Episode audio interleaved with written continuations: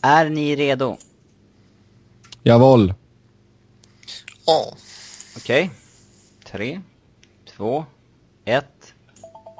Bastian Norén och med mig som vanligt så är Niklas Wiberg och Robin Fredriksson. Eh, jag sitter och avnjuter en kopp kaffe här just nu och tittar ut över ett molnigt Phoenix. Eh, hur ser det ut där ni är? Det är inte molnigt i alla fall. Nej. Här är det fint väder. Växjö är bättre Härligt. än Phoenix. Ja, i dagsläget är det nog det. Vi ska ju nog få in lite monsunregn och grejer. Det är någon tornado som håller på och härjar i Mexiko. Så eh, trycker det upp lite regn och skräp till oss. Så idag ska det bara bli 34 grader. Ja, stackars dig. Kallt. Ta på Eh, en tjock nej. tröja. Ja, ja det, jag får klä på mig ordentligt sen ändå för jag ska ju faktiskt över till, ja som det nu heter, Gila River Arena och eh, kolla när Phoenix och LA Kings Nej. hockeylag möter varandra. Nej, Arizona Nej, heter de. Arizona. Tack. Du ser alltså, det Det är är fan, mycket nu. det, det om inte du kan det. Ja, ja, men det är nytt lagnamn och nytt namn på arenan vet du. Det är Och då kommer du ihåg arenanamnet men inte lagnamnet. Eller hur? Ja, Ännu mer retarderat. det är ba bara för att de ändrade arenanamnet så sent som förra veckan. Ehm, men både Arizona Coyotes, så den fick jag rätt, och LA Kings är ju i Pacific Division och det är den divisionen som vi ska previewa i dagens program. Och vi börjar med ankorna från Anaheim. Och eh, där kan man säga att det stora tillägget de gjorde i sommar var ju att man skaffade Ryan Kessler. Och Niklas, hur mycket bättre är Ducks med Kessler i laget? Mycket, mycket bättre.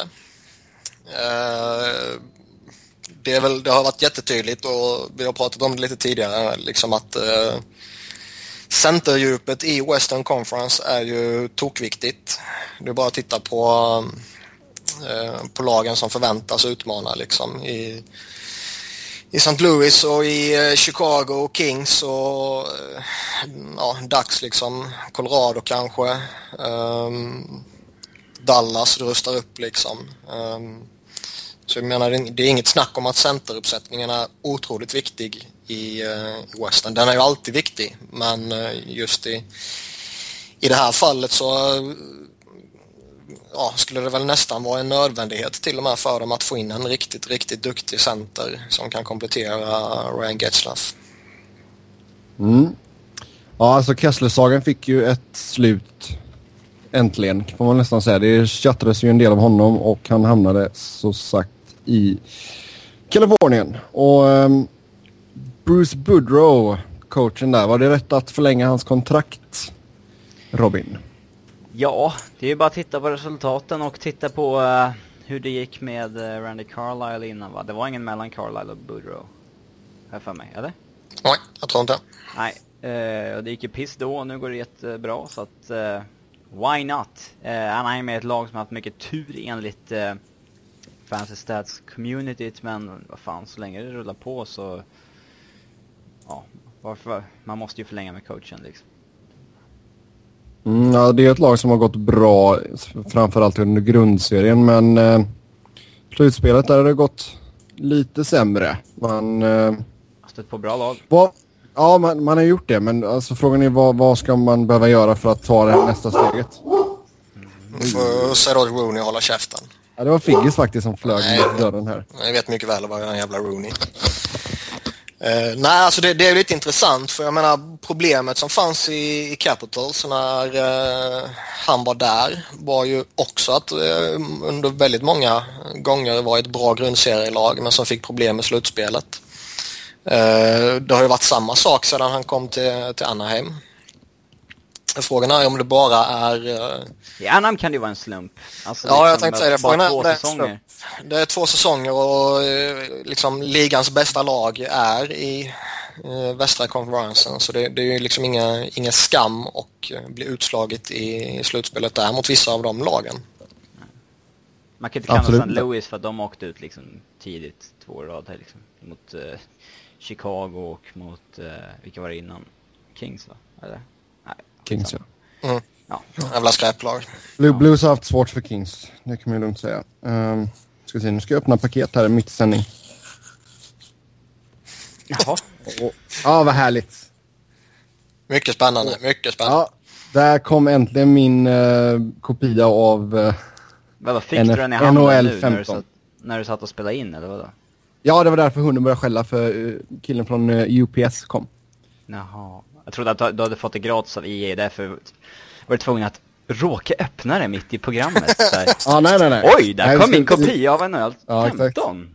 Nej då, vi ska, vi ska säga tack till EA, det ska vi göra, absolut. Ehm, Du menar för att de levererar ett eh, spel som inte är färdigt? ja, det får vi ju se sen när jag väl gör min review här, men... Uh, Vad har, eh, Ultimate Edition, Vilken ja, konsol är det till? Eh, Playstation 4. Okej, det ja, finns ju vissa tveksamheter med... eh, Ja, Ja, från vad jag har läst så verkar det ju vara det. Men allt är kul och eh, jag tror nog det är första gången jag får Ultimate Edition faktiskt. Så det, är- det är kul. Fan vad snyggt. Uh, ah, va- vart var vi någonstans? Just det, Anaheim. Eh, deras Nej, slutspel men alltså, om man- kommer inte vidare. nej, men alltså om man tittar på, på årets lag här då. Ehm, Jonas Hille försvann ju. Eh, man har ju en del bra målvakter i systemet och John Gibson ses ju som en mm, jättestor talang. Fredrik Andersen är ju väldigt duktig han också. Vem, vem kommer ta första spaden av dessa två herrar? Gibson. Det är jag också rätt övertygad om. Jag tror man kommer försöka eh, ge han eh, alla möjligheter att ta första spaden liksom. Mm. Ehm, däremot så är det ju liksom, det är ju en viss tveksamhet att gå in med det målvaktsparet. Eh, en så pass ung och oerfaren målvakt och han ska kompletteras av en dansk. Eh, jag menar, det, Mm. En väldigt bra dansk. En dansk. Mm. Eh, Sen har man ju även Jason Labar- Labarbera som tredje målis. ja, Ja, kryddar upp back, eller målvaktsbesättningen lite. på sin höjd tredje målvakt tror jag. Mm. De har en del vass, de har ju fler vassa målvakter i systemet faktiskt. Fast det, det är ju alltså, sätter du upp en snubbe som John Gibson som din första keeper eller som liksom snubben du vill spela in. Då vill man ju, i alla fall vill jag gärna ha en, en hygglig veteran bakom honom. Fredrik Andersson är en jätteduktig målvakt och han har ju visat att eh, han kan spela i NHL liksom, men han har ju också en, eh, en liten erfarenhet från ligan. Ja, det finns ju hur många målvakter som helst som har gjort det bra i 10, 15, 20 matcher, men jävla skillnad att gå in och lira 70 liksom. Jo, det är det. Och framförallt just liksom när, när du har en ung snubbe framför dig så... Ja, jag, jag skulle föredragit en, en liten äldre, lite mer rutinerad eh, snubbe som man vet vad man får av. Uh, Andersen kan leverera på det ena eller det andra hållet. Om vi tittar på försvaret då. Där, där är en bra mix av äldre och lite yngre herrar. Eh, bland annat Boscheman då som alltid verkar spela bra i Anaheim i alla fall. Ja. Ja, alltså Sen har de, du ju de har ju yngre förmågor jävligt, som Lindholm och Vatanen. de har jäkligt, eh, en jäkla bredd på backsidan faktiskt. Nästan Mm. som man tror att de eh, måste skicka någon. Eh, eh, Clayton Stoner-värvningen var ju ganska konstig i och med att det inte riktigt finns plats för honom. Kan jag tycka. Eh, men eh, han, de håller väl honom uppenbarligen högt men jag skulle inte bli förvånad om de skickar någon av de där backarna. För att de har för många. Mm, vem tror du kan ligga pyrt till? Eh, Brian Allen, om de kan hitta någon som vill ha honom. Eh, Sheldon Saray, det är ju lite på hans eh, ja, status hälsoskademässigt liksom. Eh, Mm. Men eh, ja, billiga backar går ju alltid att skeppa. En Ben Lovejoy till exempel, han har ju varit bra i Anaheim och sådär. Eh, Vatanen har ju ryktats att ingå i lite tradeförslag för Kessler och sånt där tidigare så att det är mycket möjligt att han eh, Ja, han är uppenbarligen någon de kan tänka sig släppa. Det förstår jag inte riktigt. Jag var väldigt imponerad av vad jag såg av Vatanen förra säsongen. Ja, men de har liksom... Ja, de har inte riktigt plats för honom. De har många lovande backar. Han hamnar Mm. lite utanför. Ja, och sen Lindholm såg ut som eh, han hade spelat flera säsonger i ligan redan förra året. Mm, han är bra. Rikt, riktigt imponerande faktiskt. Eh, om vi tittar på forwardsidan då. Uh, självklart är det ju Ryan Getzlaff och Corey Perry som leder, ja vad ska man, vad, ankor, vad, de, är det ett pack med ankor säger man? Eller vad säger man? Vad fan snackar de? Ja, ankor. När de, eh, när, de liksom, när de migrerar i grupp. Vad kallar man det? Är det ett pack med ankor? Jag, Go jag, fucking google it. jag kan... Nej, det orkar jag inte. Jag skyller själv på Det, är- det är ju sånt, det är sånt vi har Robin för vet du. Han är värdelös Rysslandsexpert och han är värdelös uh, djurexpert. Perry och fall. Getzlaff leder deras forwardsbesättning kan vi säga. Inte Ja. en jävla ankarmé eller någonting. Ankarmé, det låter ju perfekt. De är längst Eh. fram i Ducks Flying V om vi säger så. Exakt. Och sen har man ju kryddat igenom med Kessler och eh, sen tog man även en liten chans på Danny Heatley. Eh, kan han få något form av uppsving? Nej. Jo, Jo, jo, okej, okej. Får, han, får han ett förtroende i en första kedja till exempel? De har många skyttar, Anaheim, det ska sägas. Uh, Silverberg är en skytt, Perry är en skytt. Getzlaff är väl den enda riktiga playmakern. Kessler ser jag mer som en skytt än en playmaker. Han är inte alltså ska man ge Heatley en ny chans liksom så eh, Kessler är ju inte den ultimata killen att sätta honom bredvid kanske. Men... eh, Nej, han ska in med Getzlaff och Perry ju. Ja. Det, det är ju där jag skulle testa honom och där har han ju goda möjligheter för att eh, liksom inte bli den gamla Dan Heatley. Det är ju, Nej men en 20 mot skytt i alla fall. ja, Eh, och de har inte riktigt någon annan left-winger sådär så han ko- kommer ju få den chansen. Alltså de kan spela Emerson Eaton där och sådär men Silverberg och Perry de är ju right-wingers, så är det ju bara. Mm, och just det om alltså Devontae Smith Pelly, tror ni han får sitt uh, rejäla genombrott i år? Kanske. Vem vet? det är sv- lite svårt för jag menar Anaheim det, det känns som att han mycket väl kan få en jättestor roll. Men det känns också som att han mycket väl kan få en väldigt begränsad roll med tanke på att de ändå har det är rätt bra ställt i sin forwardbesättning. Alltså det, det, det är många duktiga spelare, många framträdande spelare. Eh, så det beror på lite var han placeras och hur mycket han får spela, vilka han får spela med. Alltså det, det är en jävla skillnad om han får gå in och lira med Ryan Kessler eller om han går in och lirar med eh, Tim Jackman liksom. Ja, sen eh, förutom Silverberg och Lindholm så har vi även Rickard Rakell i Dax och tror ni han kommer få någon speltid i år? Ja.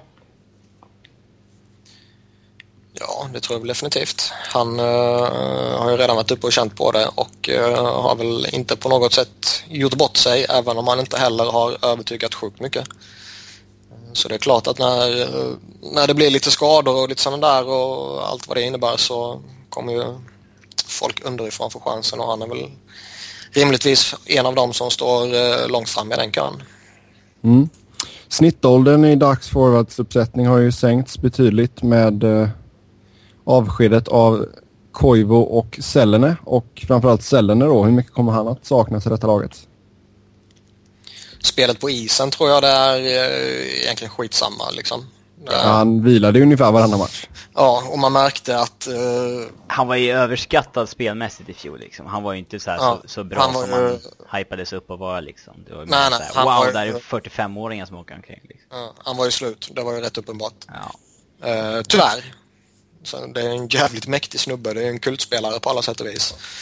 Eh, så han kommer givetvis saknas i, i ett omklädningsrum och liksom utanför själva eh, matchsituationerna. Eh, det, det tror jag definitivt han kommer göra. För man hänger ju inte kvar till du är, eh, alltså det är samma med Jaromir Jagr till exempel. Du hänger ju inte kvar i ligan till du är 43, 44, 45 om du inte verkligen brinner för det. För liksom, man, man kan ju inte bara hänga kvar på sin talang utan man måste ju ändå engagera sig och verkligen jobba för det. För att hänga med nu i dagens NHL och ska man göra det så måste man verkligen brinna för det och på det sättet är man ju ett jätte, jätteföredöme för alla i hela organisationen. Liksom. Där tror jag man kommer sakna honom och Koivu. Yes. Ja, vi får se. Vi eh, gissar väl att Ducks kommer ha en bra regular season som vanligt. Sen får vi se vad som händer i slutspelet. Eh, vi går vidare då till Arizona Coyotes. Ja, exakt. Alla borde kolla Mighty Ducks-filmerna om ni inte har sett dem ännu. Eh, vidare då till Arizona Coyotes. Här ute i My Neck of the Woods, eller My Neck of the Desert. Um, Alltså det här laget ser ju väldigt suspekt ut. Framförallt på forwardsidan. Uh, jag tycker ba backsidan ser väl okej okay ut. Um, man har inte gjort sig av med Keith Yandel och det är väl ganska bra med tanke på att han var bästa poängplockare.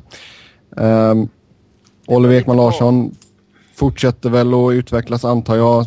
Får han spela med Mihalek så är det bra. Man har tappat ett par veteraner. Um, men um, Brandon Gormley bör väl kunna ta en plats i detta laget. Även Conor Murphy bör väl vara redo.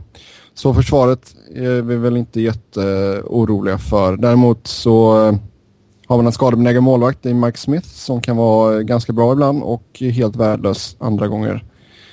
Och filmar alla gånger. Uh, ja, han får gör mål ibland. Han, han, får nog se upp med den här nya regeln då att man kan åka på böter för filmning i alla fall. Det är en sak som är säkert. Um, Kul att du har slutat försvara hans filmningar i alla fall. Nej, vissa är filmningar, vissa är inte filmningar. Det köper jag liksom. Det är absolut ingen snack om saken. Men om vi gottar ner oss forwardsidan här då. Um, Mike Ribeiro blev ju en totalflopp precis som uh, Niklas. Uh, ja. Precis som Niklas sa, jag tänkte faktiskt ge Niklas lite cred där. Um, tack, tack. Och uh, det slutade med att man köpte ut honom från kontraktet. Det var uh, spelet på iset var ja, alltså in, godkänt får man väl ändå säga. Det var inte ah. godkänt. Alltså jag säger inte att det var... Alltså... Det, var det var inte katastrof, men alltså det, Nej. det var ju inte... Rättfärdigade varken lön eller hans, Nej. ja, vad han kan. Nej. Nej, absolut inte. Och det felet var ju där att man... Nej, man tog in honom och sa att han var första center, vilket han inte är och ja, allt sånt där. Jada, jada. Plus problem vid sidan av isen, så då blev det utköpt kontrakt för Mike Ribeiro. Uh, Istället har man plockat in Sam Garnier. Um, och alltså min fråga här till er är ju alltså, är detta en uppgradering? Ja, det är Spelmässigt så är det en uppgradering. Eh, och utanför isen antar jag också att det är en uppgradering. Men eh, alltså det är ingen... Eh, alltså han kan ju inte bära eh, Arizonas offensiv på egen hand. Han är en... Eh, alltså potentialen finns ju där. Han har ju liksom bara inte mm. tagit steget. Men frågan är... Tar man steget med spelare som martinerat och liksom sånt där omkring sig verkligen? Det mm. känns... Mm. Jag tror mycket väl han kan göra det i en, i en sån här pass eh, välvårdad eh, organisation och lagbygge som Coyotes ändå är. Eh, det är ju alltid en fördel att kunna byta ut en 34-35-årig eh, eh, överskattad galning mot en eh, 24-25-åring som eh, liksom som, som Robin var inne på som kanske står och väntar på sitt genomslag. Mm. Um, att slängas in i NHL jättetidigt hos Edmonton har ju bevisligen inte varit det enklaste de senaste åren. Nej, absolut inte. Han, det... han var ju i den sitsen också för, för några år sedan när de mm. ändå liksom var skräp. Nu har de ändå mer talang ju, men uh, fortfarande så slängs alla in direkt i princip av de stora namnen och han var en av dem. Um, har väl som Robin var inne på, inte lyckats uh, utvecklas uh, som man trodde och som man hoppades. Och ehm, när det började pratades liksom om att de skulle vilja göra någonting så var det väl rätt uppenbart att hans namn var eh, ett av dem som låg i farozonen. Mm. Ja, alltså men om man tittar på själva centeruppsättningen här då för Coyotes så eh, har du som sagt Sam Garnier, du har Martin Hansal, du har Antoine Vermette och sen skulle jag gissa Joe Vitali som eh, killen i fjärde kedjan. Alltså jämfört med de andra lagen i Western Conference känns ju som att det är ett ganska stort glapp mellan eh, den här centeruppsättningen och de i toppen. Det är bättre än Calgarys, det är sämre än eh, Los Angeles. Mm. Ja, det är väl ganska väntat i och för sig. Med tanke på att de typ har bäst. Nej, men det är klart att det var som vi var inne på tidigare med Anaheim att centeruppsättningen är jätteavgörande. Och eh, det är ingen pissig centeruppsättning. Det är bara att konkurrensen i West och i Pacific är brutal. Ja. Alltså, ja, den är inte, alltså den är inte jätte, alltså jag säger inte att den är dålig men den, den saknar spetsen om du förstår vad jag menar. För jag tycker ingen av de här, Jag saknar ju en ledare. Alla, alla de Ja. tre toppcentren i, fin, eller i Arizona skulle ju mycket väl kunna vara i vilket lag som helst så länge man inte är ledande första center utan så länge du skulle ha en Ryan Getzlaff framför dem så skulle det ju se riktigt bra ut. ja. Och sen alltså med Gagne-traden också, det var ju inte så att man gav upp mycket. Nej. Man fick eh, Gagne och eh, BJ Crombin som jag antar kommer ta över Paul Bissonets roll i laget eh, mot ett sjätte rundsval i kommande draft. Mm. Så det är, på så sätt så är det ju ingen fara. Eh, tittar man på övriga forwards så funderar man lite på vem ska göra mål i detta laget. Eh, alltså Mikkel Böttger tog ett steg framåt förra säsongen men det är fortfarande ingen alltså, utpräglad målskytt. Eh, man blev av med Verbata som uh, stack till Vancouver eh, och fick bra betalt där så jag förstår att man inte matchade det uh, kontraktförslaget. Um, Fast det var ändå bara två år. det var väl... Vad, vad fick han nu? Nu har jag glömt av det. Eh, det var väl två år och fem miljoner om året tror jag. Ja, något sånt. Det är inte så överjävligt ändå. Nej, men jag, tror jag tror Arizona hade ju gett honom ett förslag på, ja, i runda slängar kanske tre och en halv eller någonting och så längre term då. Mm. Eh, men han ville väl casha in och det, det kan man förstå. Ja, Eller Ehm. flytta helt enkelt. Ja. Sen har ju- får vi se hur det går för alltså, han får väl spela med Sedinarna antar jag nu. Så han bör väl ändå göra bra ifrån sig. Eh, men alltså om man tittar på detta laget, vem, vem ska göra målen alltså? ja ingen. Alltså de kommer, liksom- de kommer ju vara ett low scoring team. Så, så Mm. är det ju. Det här, det här är väl ett typexempel på eh, en lagmaskin snarare än att man förlitar sig på eh, en eller två eller tre eller fyra stycken ska göra det liksom.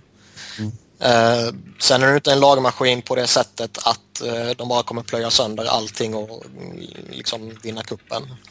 Däremot är det ju uppenbart att det här är ett bygge som man antingen har valt eller som man har tvingats till. Eh, där man försöker skapa så liksom, homogent som möjligt rakt igenom. Nej men det känns ju alltså som att det finns ett par platser öppna för uh, rookiesarna och verkligen eh, uh, tvingas in i detta laget. Jag tror Max Domi alltså bör få chansen i detta laget i år. Um, det ska bli spännande att se hur han gör, gör ifrån sig här nu i, i träningsmatcherna och sådär. Men han, han bör ju verkligen ta en plats i detta laget och jag tycker Henrik Samuelsson har sett mycket bättre ut på skridskorna. Han har, jag vet att han har jobbat extra eh, ganska mycket på det. Han har ju kroppen för eh, NHL och eh, absolut händerna för det också. Han är jäkligt skicklig med puck. Ehm, och sen Tobias Reeder, eller Ryder hur man nu säger, han är tysk vet jag i alla fall. Ehm, verkar vara lite av en sniper. Och sen eh, Lucas Lessio gjorde ju 29 mål i AHL förra säsongen så han bör väl också få chansen. Men eh, Jag har aldrig någonsin hört talas om de stolpskotten. Har du aldrig talas om Max Domi? Eller Henrik Ja, jo, men de du nämnde mot slutet. Ja, du menar Reeder och eh, Lessio. Ja, Ja. Nej, så vi får, vi får se det. Alltså, det är... Men som sagt, jag tror det kommer bli tufft. Alltså, för att detta laget eh, alltså, ens ska ha en chans på ett wildcard så måste verkligen allt klaffa. Mike Smith måste upp till någon form av nivå igen och hålla sig frisk. Ehm, men frågan är om han kan göra det. Alltså det. Han var jättebra den säsongen när de tog sig till Western Conference-finalen men förutom det så har det varit ganska ojämnt och eh, skadef skadefyllt. Eh, förra året så hade man ju Grice som backup och eh, detta året så har man Devin Dubnyk. Ja. Mm. känns Stor, ki ja, stor kille, han är helt enormt stor. Eh, så vi får se om Sean Burke kan jobba med honom och så han kan i alla fall spela några matcher. Eh, vad, vad ger ni detta laget för, för chanser? Väldigt dåliga. Jag tror absolut Minimala. inte, jag tror absolut inte att man är, kommer eh, vara nära slutspelsplats. Jag tror man kan uh, vara ett av de här lagen som liksom utmanar om en wildcard-plats. Men uh, jag tror nog inte man kommer räcka fram. Mm. Ja, vi får se vad som händer och fötter. Tror ni att det hade varit smart business att uh, trada Yandel kanske? Ja. Det har ju gått en hel del rykten. Absolut. Mm. De har inget att vinna på att ha kvar honom. Han har två år kvar på kontraktet och BUFA efter det. Och han är en eh, attraktiv back på marknaden för att folk verkar tro att han är bättre än vad han är. Eh, och eh, det verkar ju som att eh, Eh, Maloney eh, har ett, en hög prislapp på honom också. Han förstår att han han verkar vilja få ut mycket av honom och kan man eh, få någon som är villig betala det så han kör på definitivt. Eh, det är alltså det är en jättebra trading asset för ett lag som är på nedgång. Liksom. Det... Mm. Ja, och som sagt, alltså backsidan är man ju inte jätteorolig för. Jag tycker det, det ser ganska bra ut där ändå, även om man skulle tappa Yandel. Um, ehm, och få in lite viktiga pusselbitar i forwardsuppsättningen.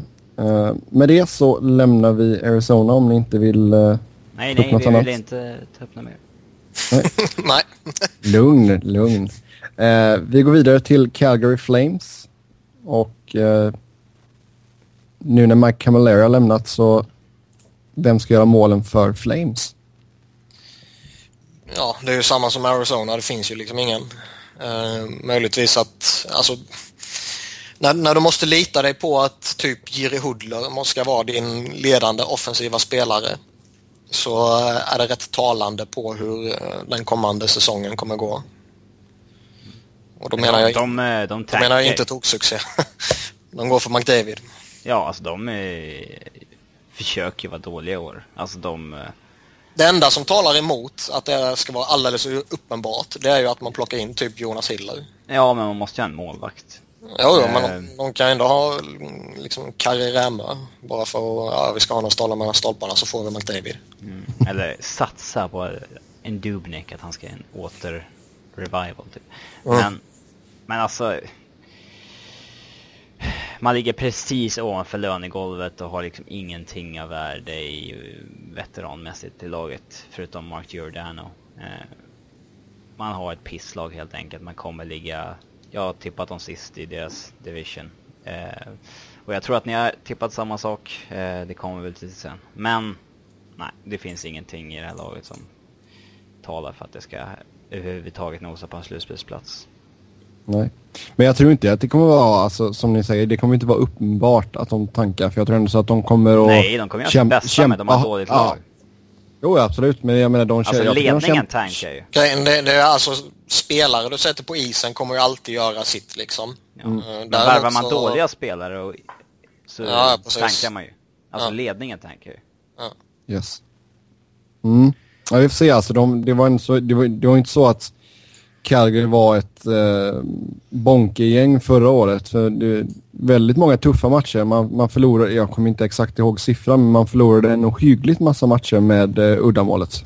Man måste ju ställa sig frågan till, nu är Jay Feaster inte kvar visserligen, men man gjorde sig av med både Ginla och Bowmister. Vad har man att visa upp för idag? Vad fick man tillbaka mm. liksom? Nej, inte mycket. Manahan-valet, det var ju sitt eget draftval. Det ja, mm. uselt. Ja. Ja, Monahan är ju absolut framtidsnamnet i den här skalan får man ju lugnt säga. Um, om vi tittar på backsidan då, för alltså förutom Giordano, um, alltså TJ Brody är yngst i backlinjen just nu med sina 24 år. Alltså, de har ju lite halvvettiga pusselbitar där med Giordano är ju riktigt duktig. Uh, Ladislav Schmid och Dennis Wideman är ju helt okej. Okay.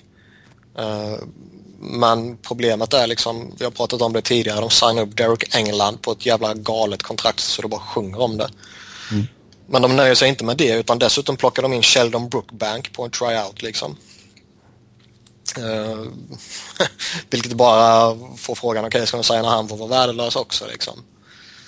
Um, men det är samma sak som var i forwardsbesättning. Det finns lite sådana där halvdana vettiga pusselbitar men helheten är ju för dålig. Mm. Ja, Cal- vi, Calgary nästan till noll chanser då med andra ord. Det är Ehm, dig det brusar från hela tiden Sebbe. ja, jag du, tror inte det. Ja, det är Sebbe. Det är klart det är Sebbe. Det är alltid Sebbes fel. Du får skaffa dig ett riktigt, eh, en riktig mick. Ja, Det är jag som sitter på en riktig mick, men däremot så sitter jag på värdelöst amerikanskt internet. Ehm, Ja, men det brukar inte om- göra ett brus. Om du vill så kan eh, du ta bort mig från samtalet och lägga till mig igen så kan vi se ifall det blir bättre. Jag tar gärna bort dig från samtalet. helt och hållet. Fast det var, nu var det Niklas som ringde upp så han är master av samtalet så jag kan inte ta bort dig. Okej, ja men gör det snabbt då Niklas. ja, Robin, fortsätt prata. Ja, eh, ska vi prata mer om Calgary eller? Gör så. Jaha, kul. Eh, de har ingenting av värde på eh, forwardsidan. Eh, Sean Monahan är förstås spännande och sådär. Eh, Johnny Gaudreau är en intressant eh, forward faktiskt. Det, det är han ju. Eh, han har spelat på Boston College, gjorde 80 poäng på 40 matcher där. Alltså det, det är en intressant spelare, det måste man erkänna. Eh, Det är inte illa pinkat. Nej.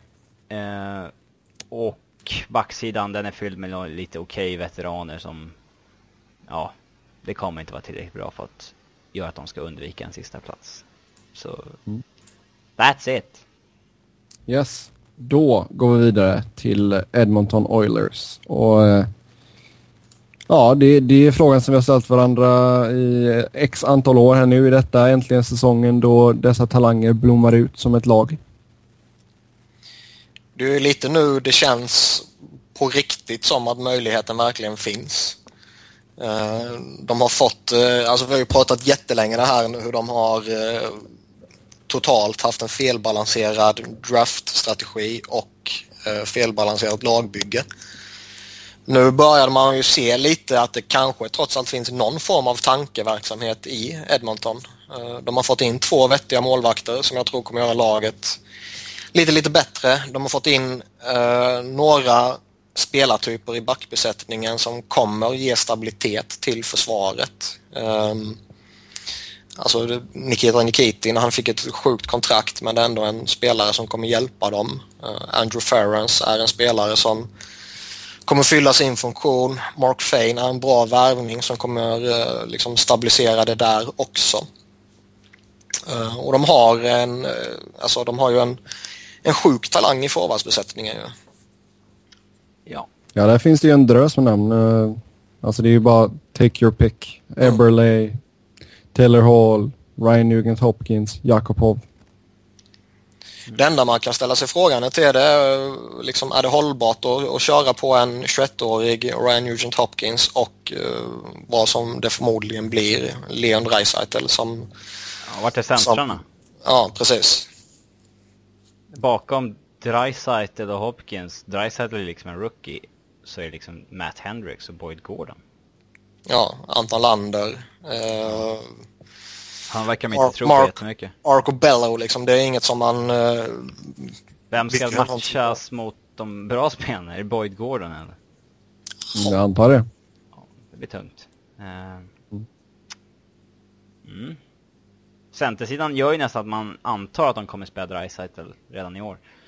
Jag vet inte om Ja, de, de, har sagt... de måste göra det, annars är det ju sjukt tunt ju. Mm. Jag tror att de är... De kommer inte vara lika pissiga som tidigare Oilers. Det, det är liksom oundvikligt med den där talangen de har i forwardsbesättningen. Förr eller senare så liksom... Det måste ge någon form av resultat liksom. Eh, Man tycker det, men sen är det ju som samt, samtidigt som Sebbe sa när, när han introducerade dem liksom att man har ju sagt så så jävla länge nu. Men de har en topp 6 som man, utan att jag räknar in Jakpov där som ändå känns okej nu med Perron och Teddy Purcell också. Pouliot tycker jag är en konstig värvning i och för sig men det får stå för mig. Jag tycker det är en kille som är som bäst när han spelar en tredje line, en, ingen större roll sådär. Och, ja, man spelar inte en tredje kedjes roll med kontrakt på 4 miljoner dollar per år i fem år. Eh, nej, det är ju typ som eh, Minnesota har med uh, Brodziak just nu som fjärde line center som tjänar typ 5 mille. Ehm, Va? ja. Han sitter, på äh, sitter han inte på fem? Brodziak. Det här är svårt att tänka mig. Nu får vi... Han sitter på nu ska- 2,8. Det är en viss skillnad kanske. Sitter han på 2,8 bara? Ja. Ja, ja. My bad. Det är, så det, är, med den det är en dyrt för en fjärde center men ja, det är inte fem. Ja, han tjänar 3 miljoner i lön i och för sig. Nej, Men det är inte fem. 2,8. Det är helt rätt. Jag sa att han tjänar 3 miljoner i lön. Ja, men det är lön är ointressant. Det är Ja, bara två- capita som man bryr sig om. Ja, 2,8, 3, 3, 3, 3, 3. Uh, I alla fall, det är stor skillnad från 5. tillbaka till Edmonton i alla fall. Uh, backsidan, ni eh, nämnde lite namn där. Eh, ett namn som kan vara intressant för våra lyssnare är ju Oskar Kläffbom. Ja. Är det en kille som tar en fast plats i laget? Jag vet inte. Alltså det, jag, jag tror mycket möj, möjligtvis att han har uh, talangen för det men uh, samtidigt så tror jag det finns en större sannolikhet att det blir sex andra som får en startplats och då är det bättre att lira honom i, uh, i AHL än att ha honom på läktaren i NHL. Jag tror mycket väl det kan bli Nikitin, Schultz, Fein, uh, Petri, Ferrans och uh, Marinsin, eller hur man uttalar hans namn, som går in i ett ordinarie uppställning. Mm. Eh, Justin Schultz. eh, mycket snack om han när han kom in. Har han levt upp till förväntningarna tycker ni? Han gör en halv poäng per match. Det tycker jag är eh, fullt godkänt. Ja, sen, det sen ska var han överhypad när han kom in ju, men det är ju inte hans fel.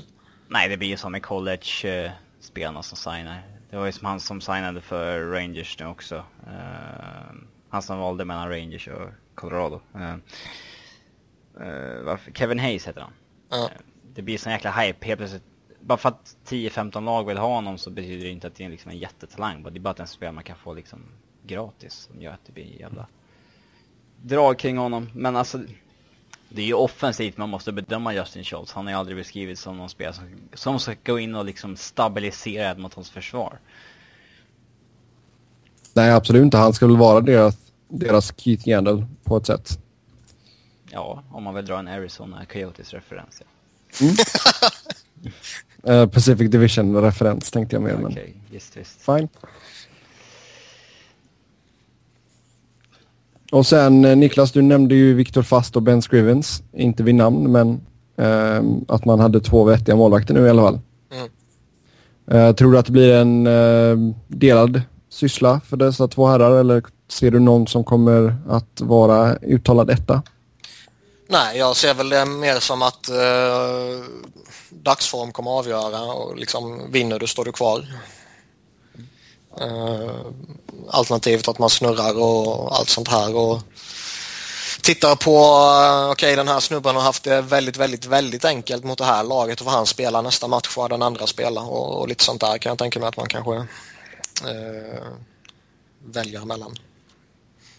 Jag skulle i alla fall, eh, ä- även om jag rent generellt vill ha en situation där du har en första målvakt som, som ska bära lasset och att du sen har en, en hygglig backup så skulle man ha det här upplägget så skulle jag ju se till att de får spela ungefär lika mycket.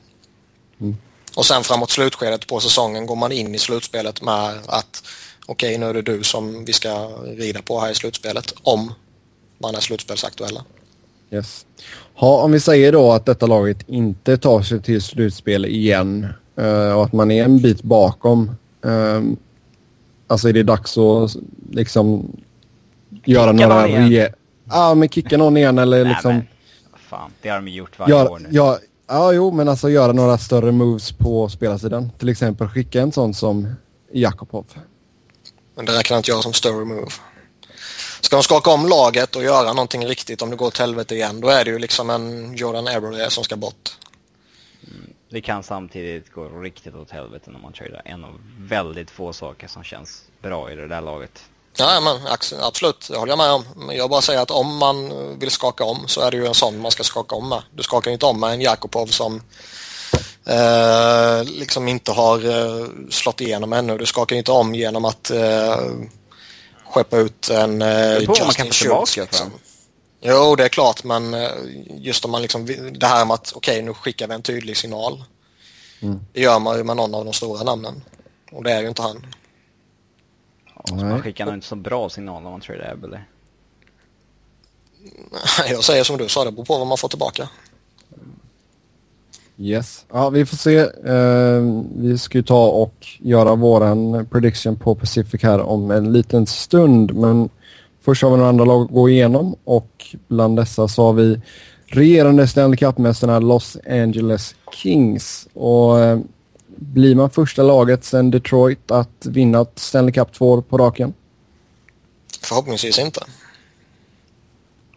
Förhoppningsvis inte, men alltså är, om du skulle sätta en procent på detta, vad, hur stor chans tror du att det är? 2,3 procent. Wow, det var lite. Nej, men det är klart att de är en av förhandsfavoriterna. Um, sen är det ju det här liksom att de, de kan ju lika gärna gå och vinna hela skiten samtidigt som de kan ryka i första rundan. Det beror ju ja. helt och hållet på liksom hur, vilka man får och hur det Lönetaksvärd, blir. alla har lika, samma förutsättningar. Uh, det det finns liksom tio lag som är Stanley Cup-kandidater. Eh, när de stöter på varandra i slutspelet är ju den, det som avgör. Mm. Eh, visst, de har ett fruktansvärt starkt lag och liksom ett, gen, ett solidt lagbygge. Så att det, de kommer ju ha möjligheten igen. Ja, man har ju mer eller mindre laget intakt från förra säsongen. Eh. Nästan samma lag som intakt som vann 2012 också. Ja. Typ Mitchell som är borta, den, den enda. Ja. Mm. Nej, det ser oförskämt starkt ut. Och centeruppsättningen är det absolut inget fel på i, uh, i Kings. Nej, bra det... fjärde center i Mike Richards, bra tredje center i Jared Stahl, eh, bra första center i Ansei Kopitar. Ja, bra andra center mm. i Jeff Carter.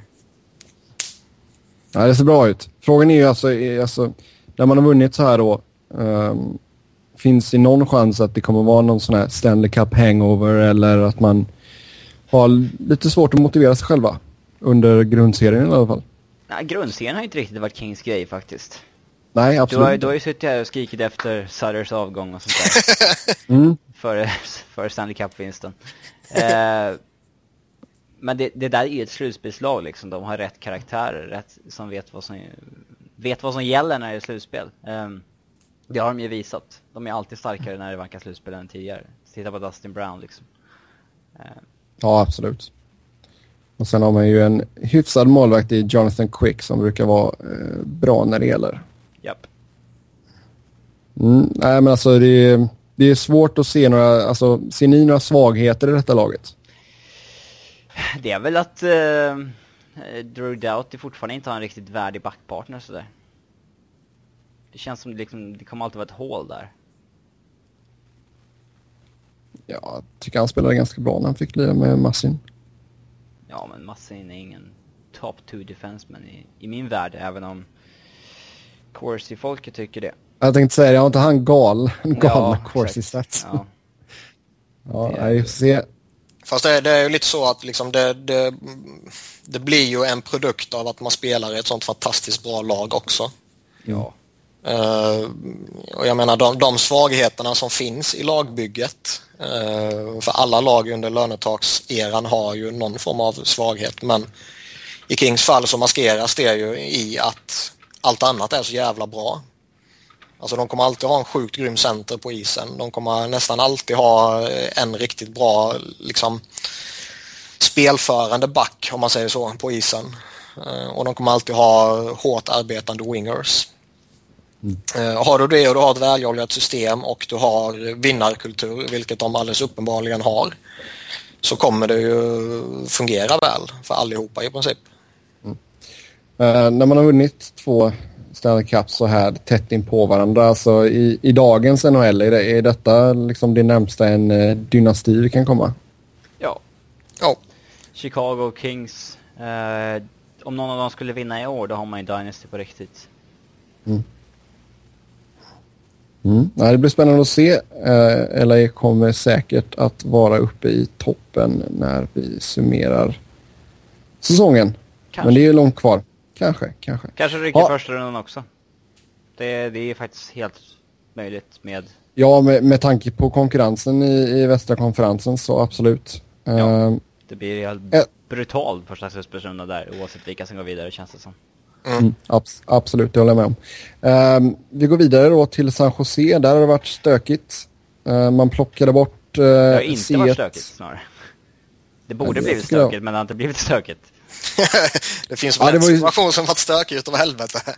Ja, jag tänkte säga det. Ehm, man tog bort kaptensbinden eller set från eh, Joe Thornton och man har gjort samma sak med Patrick Marlowe tidigare. Och um, alltså ska man... Vad tycker ni man ska göra? Ska man köra med fyra assisterande eller ska, vad ska man hitta på här egentligen?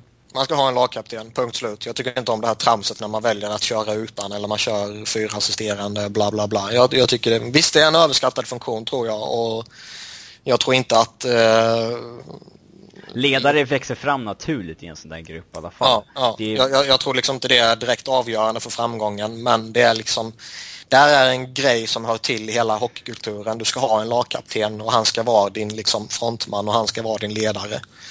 Att köra utan kapten tycker jag inte om. det blir det är ju dessutom jättefjordigt om Joe Thornton är kvar i laget. Men det, det, Alltså. det som är så jävla udda, okej om du känner eh, två gånger om att du har spelare som, nej han duger inte som kapten. Vi plockar bort eh, C från hans bringa. Eh, okej, det, det, det får man väl på något sätt köpa som att det, det kan ske, men att man sen liksom sekunden efteråt står och pratar om att nej, han kan mycket väl bli kapten igen. Liksom det, det beror på vad som, hur det ser ut under, eh, under försäsongen. Alltså det är ju jätteudda. De vet ju vad de har honom liksom. Ja, Han har, det är ju inte en försäsong där han ska bevisa vad han kan. nej. De vet ju exakt vad de har Joe Thornton. Nej, så, så är det verkligen. Men de, vet, alltså de har ju inte gjort någonting överhuvudtaget. Eh, liksom att plocka in John Scott, det, det räknar ju inte jag. Eh, utan det skulle vara en sak om de verkligen skulle rört om i den här grytan som de hintade lite om att de skulle göra. Mm. Eh, då kanske man skulle kunna gå in i ett training camp med helt nya förutsättningar och, och kanske överväga att nej, men den här eh, grymma ledaren som vi tog in som free agent eller via trade, han kan mycket väl bli kapten liksom. Jo, alltså som du sa där, det var, gick ju en del rykten om att man skulle göra någonting modell större och detta var vad man gjorde liksom. Man plockade in John Scott och sen tog man bort set från Thornton. Det, det känns inte som att det är tillräckligt.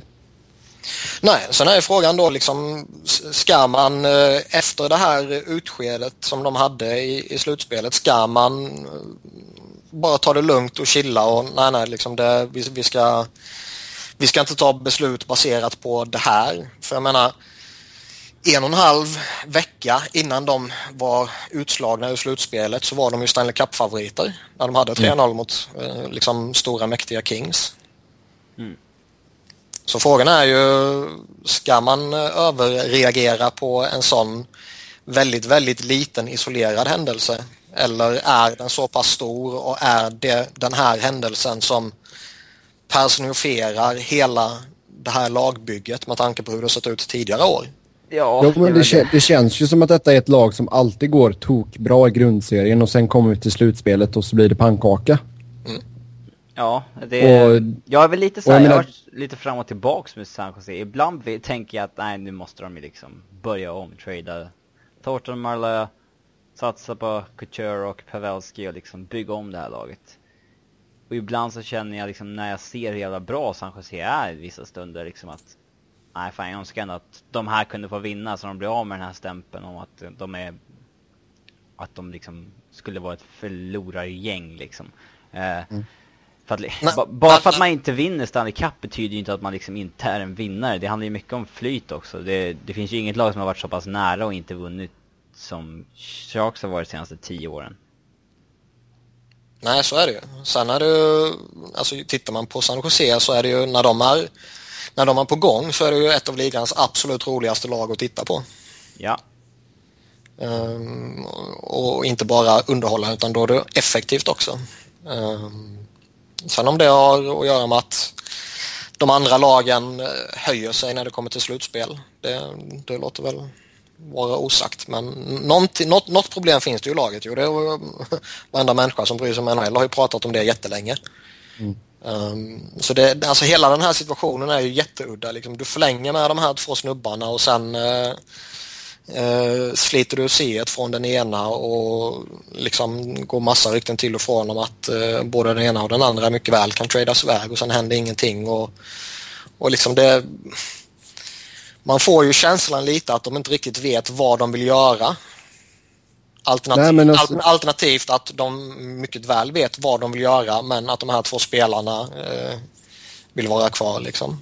Mm. Ja men det har ju varit mycket snack just det där, lämna över laget till Couture och Pavelski och jag menar Couture är ju en bra ålder, han är 25 men alltså Pavelski är lite såhär smyggammal. Jag blev lite förvånad när jag såg att han fyllde 30 i sommar.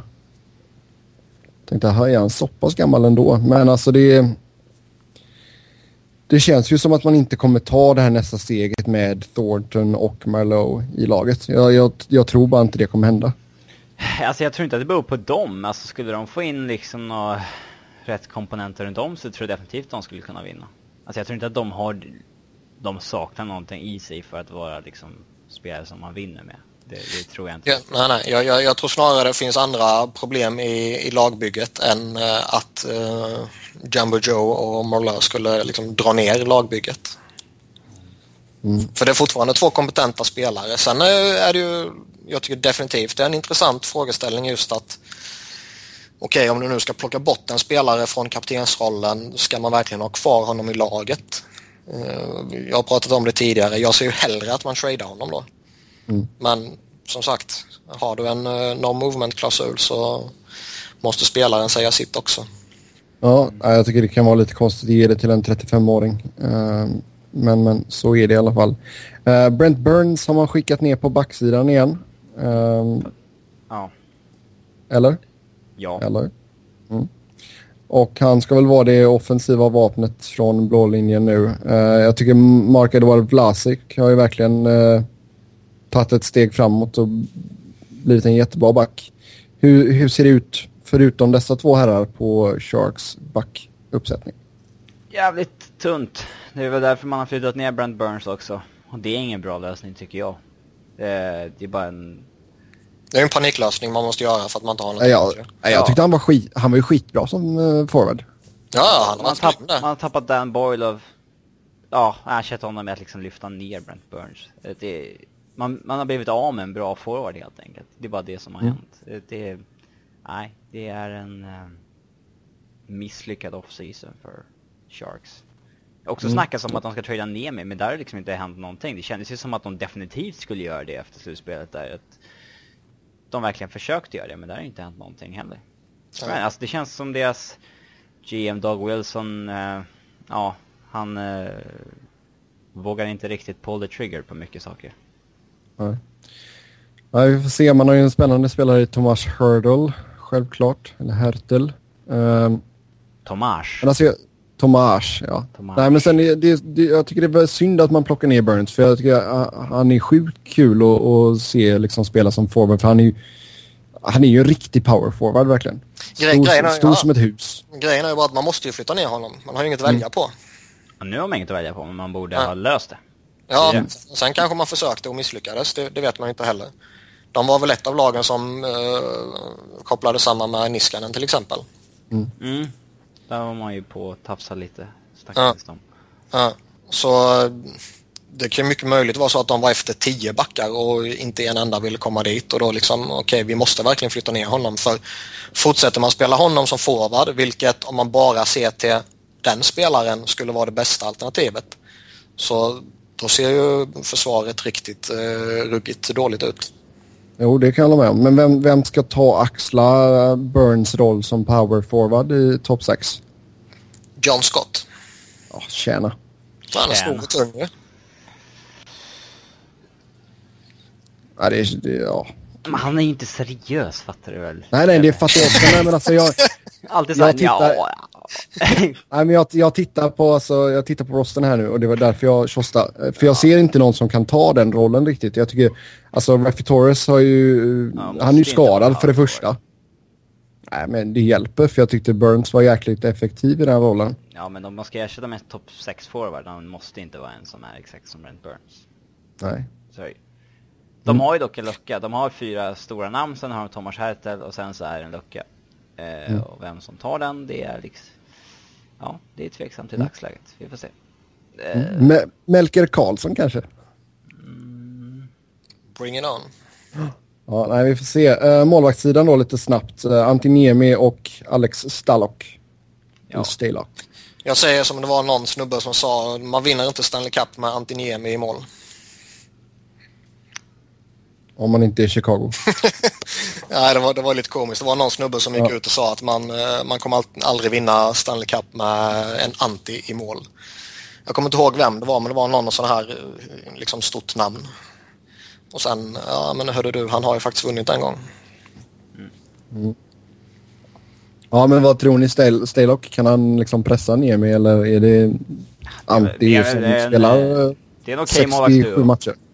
Det är en okej målvaktsduo. Inte så mycket mer. Ja, vi får se. Eh, som vanligt så tror jag att man kommer gå bra i eh, grundserien men sen så blir det restpass. Eh, sista laget då, Vancouver Canucks. Och eh, ja, vad händer egentligen på den eh, kanadensiska västkusten? Ja, det är Sebastian. De eh, är ju mitt inne i en, eh, ja, en rebuild av något slag. Eh, som inte riktigt har tagit fart än, förutom att man har tradeat Ryan Kessler. Eh, det känns som att den har blivit lite on hold sen Jim Benning kom in. Eh, Ryan Kessler ville verkligen gå och fick gå. Eh, men sen så är det så här, ja, han har liksom... Grejen att he hela grejen och som vi har pratat om och som är, alldeles uppenbart är att du kan ju inte påbörja en rebuild i Vancouver så länge tvillingarna Sedin fortfarande är så pass bra som de trots allt fortfarande är. Alltså man måste ju inte göra en full-on rebuild när man liksom tradar allt man har. Man kan ju göra som, alltså som Flyers gjorde också när man tradade Carter Richards mot unga redo NHL-spelare. Jo, men det, det är inte jätteofta en sån sak sker. Nej, men man kan göra det. Man kan göra det. Men sen samtidigt, vad har de de kan trada förutom de två? Eh, Edler? Edler, Bieksa, Hamuse. Ja, ska man utarma hela försvaret? För gre Nej, grejen du är får ju liksom byta att, tillbaka i försvarare. Jo, det är givetvis. Men grejen är att så, lä- så länge du har de två uh, tvillingarna då så känns det liksom... Alltså det är dödfött att gå in i någon form av rebuild. Eh, för jag, jag tycker ju inte- verkligen inte de har pusselbitarna för att få tillbaka någonting som är i dagsläget lika slagkraftigt. Nej? Nej. Och liksom Ryan Miller, visst det är en okej målvakt men... Det alltså- luktar lite så här Calgary under Feaster, liksom någonting så här halvdana spelare som på rätt dyra kontrakt och det ska liksom satsas men de har inte kraft att nå liksom. Nej, men lite så. Och liksom nu, nu är, kommer man ju... Jag tror ju säkert att tvillingarna Sedin kommer liksom hålla en, en hygglig nivå i några år till och nu kommer man ju slösa bort de åren, känns det som. Med tanke på att... Eh, ja, hur laget ser ut i övrigt. Nej, vi tror inte på Canucks. Nej. Sebastian? Man somnade kanske. Ah, ja, skit i han. Nu kan vi prata lite riktigt. Eh, vad har de mer? De har Bonino, de fick in tycker jag en hygglig center men han kommer ju inte lyfta laget på ett sätt som Ryan Kessler kunde göra. Lite halvdant utbyte för Kessler också. Det är ju... Han har ju bara en säsong bakom sig Bonino som är något av värde. Det kan bli lite pannkaka. Ja, gjorde ett hyggligt slutspel och lite sånt där. Ja, Lukas Spisa är ju, har ju inte lyckats alls efter att ha varit hypad i början på karriären. mm. Nej, de... Och nu... Eh, ja, Markström måste väl skickas igen. Det är en jobbig situation där. Jag vet inte riktigt var... Han har ju bett om trade till och med. Ja, ja alltså det är klart. Miller och Läck framför sig. Vad, vad ska han vara kvar där och göra? Men det är frågan om det, om det finns någon liksom, om det ens finns en NHL-plats kvar någonstans för honom. Det är tveksamt. Nej, alltså det är ju i så fall eh, om man har lite is i magen. Han spelar i AHL och han är grym och eh, han... Eh, nej, de kan inte ens skicka ner honom för han ska gå igenom waivers. Ja. Nej, då, då, då jag hoppas att det kommer någon skada under training camp liksom. Både för han och för deras del. Han får ordna någon skada under training camp helt enkelt. Ja, för det, alltså, det är ju en jättedålig situation att gå in i en säsong med tre målvakter. Det är ju långt ifrån optimalt. Det, det vill man ju inte. Um, på många sätt och vis. Och liksom skickar de ner honom så jag, jag, jag, tror fortfarande hans namn är så pass eh, respekterat och han fortfarande ses som en liksom viss eh, att det finns fortfarande någonting i honom liksom som är värt att chansa på. Så jag tror inte han kommer passera waivers. Nej, nej för fan. Jag är rätt övertygad om. Sen är det ju frågan om han kommer hitta eh, något ställe där han kommer få spela. Det tror jag inte. Nej. Känns långsökt. Möjligtvis något av de här riktiga skräplagen. Mm. Ja. Det, det, finns liksom inte platser, även om Markström kanske är bättre än någon av målvakterna de har så det, det finns liksom inte utrymme för fler målvaktskontrakt någonstans känns det som. Det är svårt att göra samma målvakter i dagens NHL. Jo, förvisso. Han fick ju på ett okej kontrakt också, 1,6 mille. Det... Ja, absolut. Men jag, jag, tror ändå det skulle finnas situationer där eh, lag skulle kunna tänka sig gå efter honom. Problemet är väl bara att en del av de här situationerna kanske kan hänga ihop med vad som i övrigt sker. Alltså, kommer Winnipeg gå efter eh, James Reimer till exempel? Eh, så kan ju det vara en sån sak som leder till att Markström kanske blir eh, eftersökt. I Toronto då? Mm. mm. Ja. Så kan det vara. Men det... Ja, det bör skickas en målvakt tillbaka till Toronto i en sån trade också. Alltså det... Det är lite så det funkar när man skickar målvakt. De har ju inget att skicka i och för sig, Winnipeg, men... Nej, det är det jag menar. Alltså de har ju Pavelski, eller inte Pavelski, Pavelic. Uh, och sen någon Hutchinson liksom som, ja det är ingen man bryr sig om om man är Toronto liksom. Om det nu blir aktuellt. De kanske vill behålla honom, det vet man aldrig. Uh, jag kan ju se ett alternativ i New Jersey till exempel. Mm. Vill, vill, man satsa på Keith Kincaid eller ska man liksom uh, låta han köra en säsong till i AHL kanske och bli ännu, ännu bättre? Eller signar man Mardy igen? mm.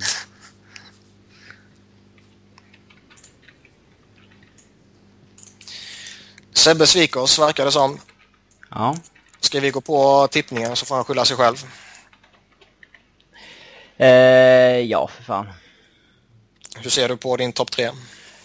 La La Land Kings, samma säger Sharks, Anaheim Ducks, sen ett jätteglapp ner till Canucks som är fyra. Sen kommer Oilers, Arizona och Flames. Topp tre kan gå lite hur som helst. Det är liksom typ inom fem poängs räckhåll alla tre lagen, känns det som. Ja, jag tänkte säga det. Det, känns verkligen som att alla de tre lagen kan uh, komma på alla topp tre positionerna på Alltså det, det, kan vara som det var denna säsongen där det skiljer 16 poäng mellan Anaheim och Los Angeles men det kan också som du säger vara tre poäng mellan alla tre lagen. Så, då är jag tillbaka. Hej. Hej då. Tippar vi topp tre nu? Ja. Ja. Uh, ja, det blir Kalifornien. Nej, Kalifornienlagen, självklart. Robin sa precis att uh, Coyotes kommer komma sist. Nej, näst sist. Näst sist? Det är mycket Cal möjligt. Cal Calgary räknar vi ju inte, så ja, okay. Arizona kommer sist. Ja, det tror... Nej, jag vet inte. Alltså, jag tror att Vancouver kommer ha ett väldigt svårt år faktiskt. Um... Det tror jag med, men jag tror jag att tror... Arizona kommer ja. ha ett svårare år. jag vet inte. Alltså, jag... Det känns som att topp tre är det viktiga att tippa här, för jag tror att det är bara de tre som kommer ta sig till slutspel. Ja. Uh, med tanke på hur Central Division ser ut. Um... Skulle jag behöva sätta positioner på lagen så... Ja, jag säger väl Anaheim etta, LA tvåa, San Jose trea. Um, men det, ja, det kan ju skilja, som ni sa, det kan skilja 17 poäng eller det kan skilja 3 poäng. Liksom. Det, det blir nog tajta mellan de lagen, men det känns som att de är absolut i en klass för sig. Um, sen 4 till 7 är egentligen skitsamma, för jag tror det kommer ett stort gap uh, eller gap, eller vad man nu ska säga. Emellan där. Oh. Mm. Ja, det kommer vara Men, ett enormt eh, klapp mellan trean och fyran känns det som. Jag tror inget wildcard hamnar i eh, den här divisionen. Nej, det tror inte jag heller. Jag tror att Eh, bägge, förra å- kommer, bägge wildcarden kommer hamna i, eh, I Central, andra, ja i central. Absolut. Eh, men alltså om vi tittar på förra säsongen då, då var det 11 poäng mellan trean LA och fyran Phoenix. Jag tror att det kommer bli eh, ett större glapp den, denna säsongen. Alltså det beror på lite. Jag är helt övertygad om att Sharks kommer topp tre. Eh, Men de kan ju mycket väl eh, komma en bit efter Anaheim och LA. Eh, Så alltså, jag, jag, ja, nej, jag, vet, jag vet ju inte om liksom, skillnaden mellan trean och fyran kommer öka så värst mycket. Ja. Det tror jag. Vi får se vad som händer. Det är som sagt, Kalifornienlagen känns som en klass för sig. Eh, det var Pacific Division det. Eh, nästa vecka så går vi tillbaka till Eastern Conference och snackar Metropolitan Division. Eh, tills dess så kan ni snacka hockey med oss via Twitter. Mig hittar ni på @sebnoren, Niklas på att Niklas Wiberg, Niklas med C och enkel V och Robin på R underscore Fredriksson. Kommentera gärna era tabeller, hur ni hade formerat dem i kommentarsfältet och så hörs vi igen nästa vecka. Tills dess, ha det gott, hej!